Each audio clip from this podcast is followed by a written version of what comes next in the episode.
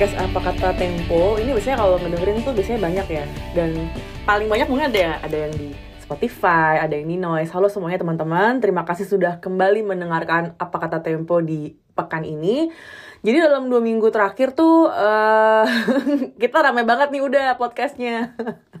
Kayaknya banyak yang uh, pengen tahu, banyak yang uh, penasaran gitu dengan perkembangan manuver uh, keluarganya Pak Jokowi gitu. Jadi semoga yang sudah mendengarkan bisa ini semoga podcast kita bisa ngebantu kamu buat paham situasi panas politik kita saat ini gitu ya.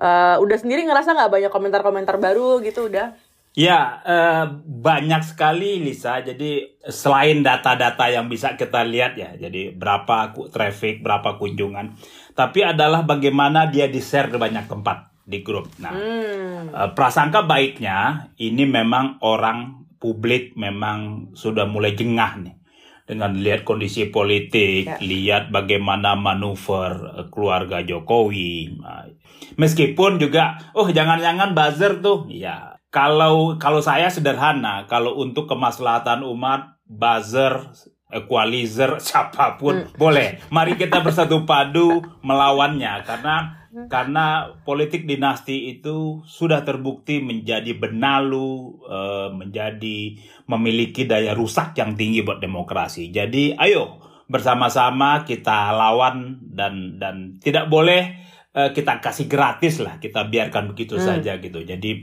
dengan memviralkan, dengan me, me, menyebarkan info-info terbaru soal bagaimana uh, permainan politik tingkat tinggi yang berpotensi merusak demokrasi Indonesia itu harus semakin masif kita lakukan. Hmm, oke. Okay. Jadi kita sudah memasuki bulan November dan nggak kerasa ini udah kurang dari dua bulan lagi uh, tahun ini akan berakhir gitu kan. Dan kita tahu banget lah kita akan disambut dengan kampanye di sana sini pemilu pemilu 2024 tuh dari depan mata dan kalau kita lihat ke pemilu tahun 2014 ya banyak uh, pemilih banyak pemilih yang menghindari untuk memilih Prabowo dengan nyoblos Jokowi waktu itu ya karena menganggap Prabowo adalah representasi Orde Baru.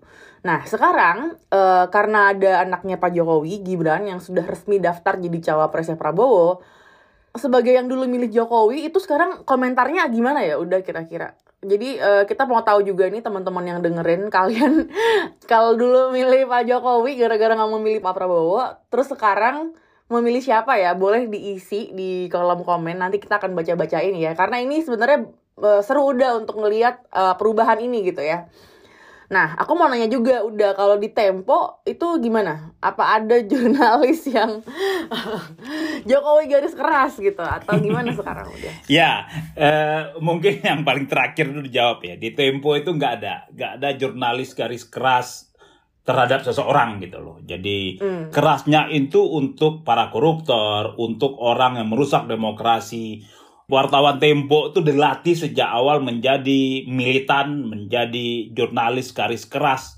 ketika hmm. menghadapi pelanggar HAM gitu, jenderal penculik ya. Jadi itu itu kita dibiasakan keras. Tapi yang menarik tadi pertanyaan Lisa, bagaimana 2019? Eh, bagaimana 2014 lah? Ketika hmm. Jokowi hmm. pertama kali running menjadi uh, calon presiden, Waktu itu juga minoritas kan karena lawannya didukung oleh partai penguasa waktu itu ya e, banyak sekali partai dan dan narasi orang yang kami tangkap lah ya yang kami, sebagai wartawan yang mengikuti dari awal prosesnya. Yeah. Apakah karena Jokowi bagus? Ah, ya ini orang kampung Jokowi adalah kita kan begitu nih. Jokowi adalah kita, hmm. Jokowi simbol sipil yang akan uh, semakin menegakkan supremasi sipil di Republik Indonesia yang lama kali terbenam di bawah kungkungan Orde Baru. Rezim uh, militer yang yang sangat dominan. Nah, itu jadi betul orang memilih Jokowi 2014 karena tidak ingin Prabowo. Hmm. Kenapa tidak ingin Prabowo? Karena tidak ingin ada politik dinasti. Kita tahu Prabowo adalah bekas menantu Presiden Soeharto uh, yang lima periode menjadi uh, presiden dan sangat otoriter. Uh, jadi itu asal bukan Prabowo kita pilih Jokowi. Bergulir yang terjadi adalah Jokowi, keluarga Jokowi bersekutu dengan orang yang orang orang yang tidak dipilih, kemudian dia bersekutu. Dan lebih parahnya, bersekutu untuk meneruskan politik dinasti. Ya, ini kan sudah hmm. kacau balau nih kalkulasinya nih. Dia itu lo itu dipilih dulu karena publik itu tidak mau dinasti politik, ya. uh, tidak mau orde baru. Sekarang 2024 kamu itu bersekutu lagi dengan dia untuk meneruskan politik dinastimu. Jadi jadi memang sudah kacau balau dan dan layak lah kita bisa lihat bagaimana Burtet uh, Kertadeja, bagaimana sejumlah orang yang garda terdepan Gunawan Muhammad ya. Ya. Bagaimana yang membuat surat terbuka, bagaimana mereka yang di garda terdepan dulu mendukung Jokowi sejak 2014, sekarang itu merasakan, oh, apa kesimpulannya? Ternyata kita salah pilih orang. Mm. Oke, okay. udah udah kan udah beberapa kali menyebut kalau Jokowi akan cawe-cawe di pemilu 2024. Tapi dalam konteks Gibran, apa benar Jokowi sudah menggunakan lembaga pemerintah uh, atau negara buat mewujudkan uh, Gibran jadi cawapres? Ya. Temuan di teman-teman Tempo gimana? Mm-mm. Kalau kita lihat Lisa, uh, teman-teman Tempo redaksi menulis dengan sangat bagus dan lengkap di laporan utama edisi pekan ini ya, yang judulnya, judul covernya Timang-timang Dinastiku Sayang. Jadi dan covernya meniru apa ya? Sebuah film Lion King ya. Mudah-mudahan ini tidak tersinggung. Tapi ini perumpamaan lah. Bapaknya raja anaknya pun dipaksa menjadi raja. Jadi jadi mudah-mudahan ini bisa menjadi cerminan eh, bagaimana eh, hasrat politik dinasti dari Jokowi itu sangat besar. Karena dalam konteks Gibran Raka Buming Raka, nah, kalau kita lihat ini kan seolah-olah alami nih, ya. Alami ada putusan MK yang yang lagi-lagi pamanku datang, pamanku dari MK. Jadi jadi bagaimana pamannya Gibran itu e, mengadili perkara yang menyangkut Gibran. Dan ini menjadi polemik, orang khawatir MK sudah diintervensi dan lain-lain. Kan Jokowi menjadi pihak yang pasif, santai. Aduh, saya tidak, saya anak sudah dewasa, silahkan. Tapi temuan kita, dia bergerak aktif sekali. Meskipun lagi melawat ke luar negeri, komunikasinya intens, memantau pergerakan, termasuk juga menggunakan lembaga negara. Lembaga hmm. negaranya apa? Silahkan baca di majalah Tempo. Tapi lembaga hmm. negara itu dipakai, dipakai okay. untuk mengecek sentimen publik bagaimana nih hmm. terhadap putusan MK. Ya putusan MK, ya putusan yang lancung tadi. Anwar Usman, iparnya Jokowi, pamannya Gibran, eh, melakukan memutuskan uji materi bersama hakim MK lainnya meloloskan syarat ambang batas usia cawapres ya yang frasa pernah menjadi kepala daerah gitu. Karena menjadi kepala daerah dianggap berpengalaman. Hmm. Kemudian pertanyaannya, please deh, Gibran tuh berdua tahun, mau tiga tahun, pengalaman apa yang dapat dari anak muda yang baru menjabat dua sampai tiga tahun gitu. Jadi sangat jelas lah bagaimana ini menjadi kekhawatiran publik ya dan dan yang paling bahaya adalah penggunaan lembaga negara karena inilah ujung-ujung cawe-cawe itu jadi kita tidak bisa melihat tunggal nih Jokowi mm. cawe-cawe kemudian ujungnya adalah dia mm. aktif mendorong anaknya menjadi calon wakil presiden Prabowo Subianto yang sudah mendaftar ke KPU sudah tes kesehatan dan lain-lain bahwa ya ini nanti pertandingannya akan normal-normal saja. Enggak, ini belum apa-apa lembaga negara sudah dipakai loh. Dan masih banyak lembaga negara yang lain. Ada polisi, ada tentara, ada BUMN, dan lain-lain yang juga potensi dipakainya besar. Ya. Oleh karena itu, eh, rasanya ini harus menjadi perhatian publik. Kita harus bersatu padu, tidak boleh dikalahkan oleh hasrat uh, jangka pendek oleh target jangka pendek orang yang ingin melanggengkan kekuasaannya dan menggunakan instrumen negara. Tidak boleh seorang presiden bisa leluasa menggunakan powernya untuk mendorong agar anaknya menang. Ini harus hmm. dilawan. Begitu Lisa. Udah bener gak sih kalau Golkar itu mengusung Gibran karena terpaksa? Ya, ini kan bisa kita lihat lah bagaimana sebetulnya Rapimnas Golkar itu memberi amanat Rapimnas itu itu adalah uh, apa ya sebuah rapat salah satu rapat uh, yang tertinggi di Partai Golkar yang memberi amanat ketua umumnya Erlangga Hartarto menjadi calon presiden. Nah, jadi bukan calon wakil presiden loh, calon presiden. Tapi kita lihat sebelum-sebelumnya bagaimana bergulirnya isu Munaslup, ya toh? Siapa yang menggulirkan? Ada Luhut Binsar Panjaitan, ada bah Menteri Bahlil, uh, Menteri Investasi uh, dan penanaman modal. Ya, kemudian ada hal lain lagi, bagaimana Erlangga dibolak-balik dipanggil kejaksaan kasus korupsi. Ya, ya kait mengait lah kan Kemudian oke okay, karena Erlangga pengen nggak pasti pengen kita lihat Erlangga juga baliho juga di mana-mana kan. Tapi pada akhirnya memang pilihannya terbatas. Dia dia pragmatis saja ya sudahlah Gibran lah yang kita usung. Yang nggak jelas juga junturungannya karena Gibran ke Buming Raka sampai sekarang juga masih tercatat sebagai kader PDI Perjuangan.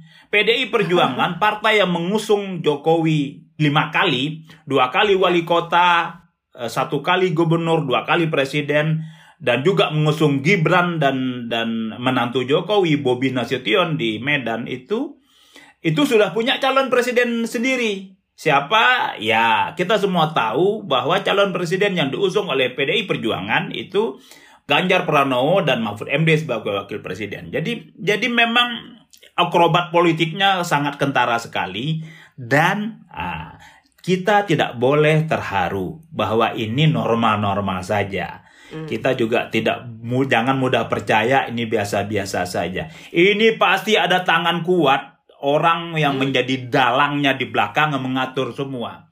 Temuan Tempo siapa? Mr. Presiden.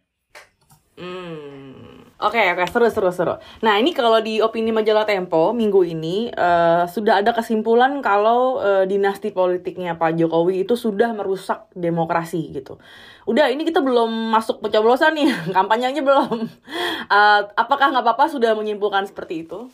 Ya uh, sebagai sikap opini adalah sikap redaksi ya. Uh, pasti basisnya adalah peristiwa yang terjadi. Hmm kalau kita lihat apa yang terjadi di EMK, ini kan proses pemilu ini kan bukan hanya di pencoblosan, Lisa.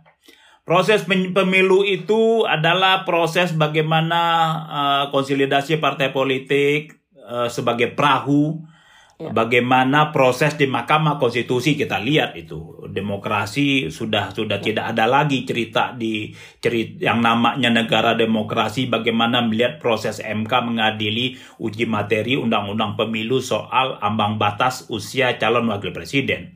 Ya. Bagaimana seorang paman bisa uh, dengan uh, santai tanpa merasa berdosa tidak ada konflik kepentingannya. Please kalau dunia ini ditanya itu pasti jawabannya pasti besar konflik kepentingannya. Dia dengan bersumpah dan lain-lain mengaku tidak ada konflik kepentingan.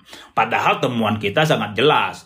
Bagaimana Anwar Usman itu membalik-balik fakta gitu loh. Jadi melakukan pendekatan lobby-lobby tujuannya apa? Tujuannya agar Gibran bisa maju memenuhi syarat menjadi calon wakil presiden. Jadi jadi uh, proses pemilunya itu sudah berjalan dan sudah compang-camping Hmm.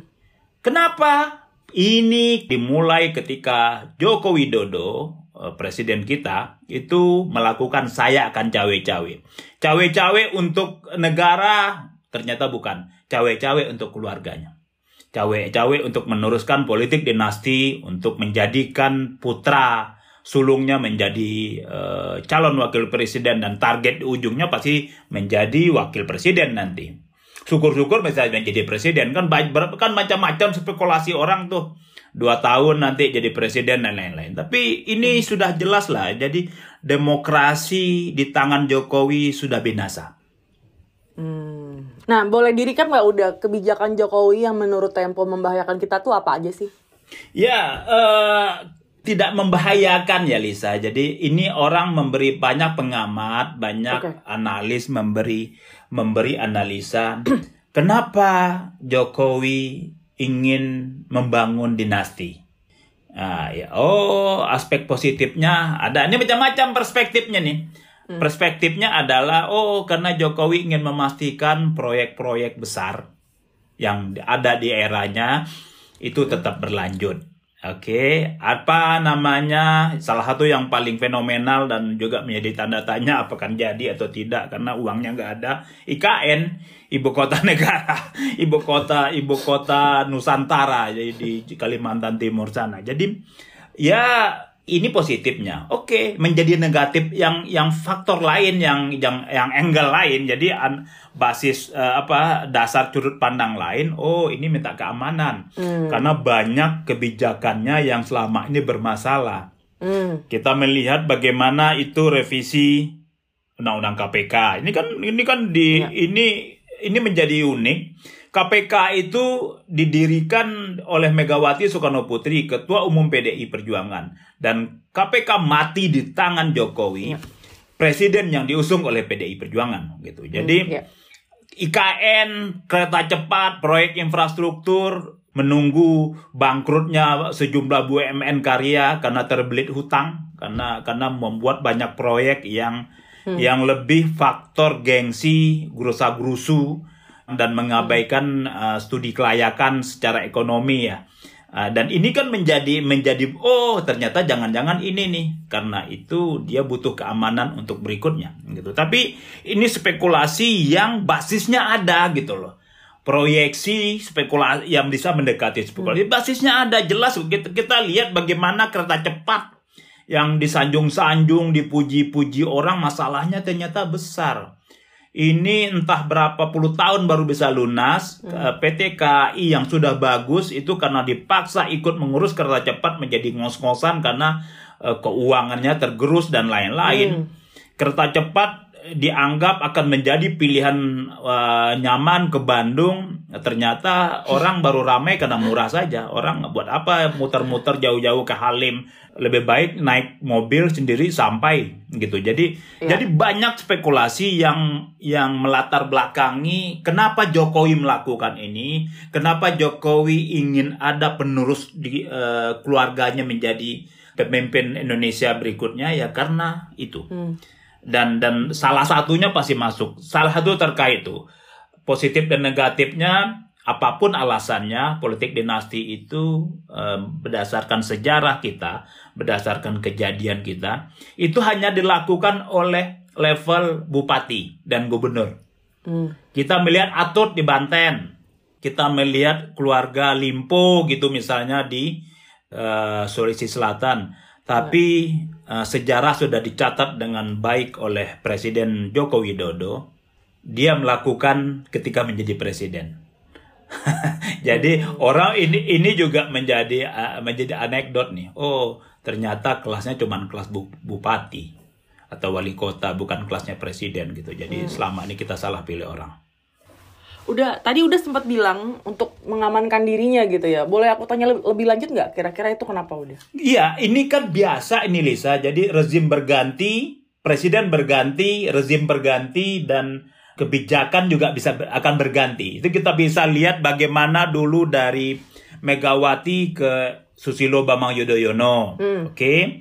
Susilo Bambang Yudhoyono masuk ke Jokowi. Jadi khawatiran itu ada karena hmm. pasti ada kebijakan yang uh, bisa kalau presidennya barunya iseng dibuka gitu loh. Hmm. Celah hukumnya hmm. banyak nggak banyak Hmm. Dulu kita masih ingat apa sih eh, celah hukum yang bisa mungkin mengganggu SBY Hambalang proyek proyek pembangunan eh, hmm. uh, apa pusat olahraga di Hambalang dan lain-lain. Begitu juga Jokowi. Jadi nanti presidennya baru pasti juga bisa dibuka. Hmm. Apa itu yang saya sudah sampaikan tadi? IKN lah, kereta cepat lah, undang-undang cipta kerja lah, yeah. revisi undang-undang KPK yang ya. semuanya ya. sangat bisa menjadi masalah besar di kemudian hari. Ah, karena hmm. itu dia butuh ini. Kalau sekarang masih banyak kan kita berkuasa, masih banyak kita uh, fans kita, masih banyak uh, media sosial, masih banyak buzzer kita. Nanti sudah lengser nggak ada, semut pun nggak mau deket jangan-jangan. Jadi hmm. tapi inilah ini kekhawatiran-kekhawatiran ini yang memberi orang uh, memberi jadi bahan analisa orang, ya. kemudian menjadi spekulasi di publik. Oh ternyata dia tahu dia banyak meninggalkan masalah karena itu dia butuh uh, orang yang bisa mengamankan dia nanti ketika sudah lengser. Itu sederhana aja Lisa seperti itu. Hmm. Dan ini berlaku dalam ya. berbagai proses pergantian kepemimpinan tidak hanya di Indonesia juga di dunia. Kita bisa melihat Trump kan? Bisa ya. jauh-jauh deh. Amerika yang begitu negara besar Trumpnya sekarang kan ya. dalam proses hukum. Dan banyak hal yang lainnya. Jadi ini ini memberi ruang orang membuat spekulasi. Karena karena basisnya juga ada gitu loh. Jadi bukan sekedar spekulasi jadi. Jadi basisnya betul analisa. Oh jangan-jangan karena ini.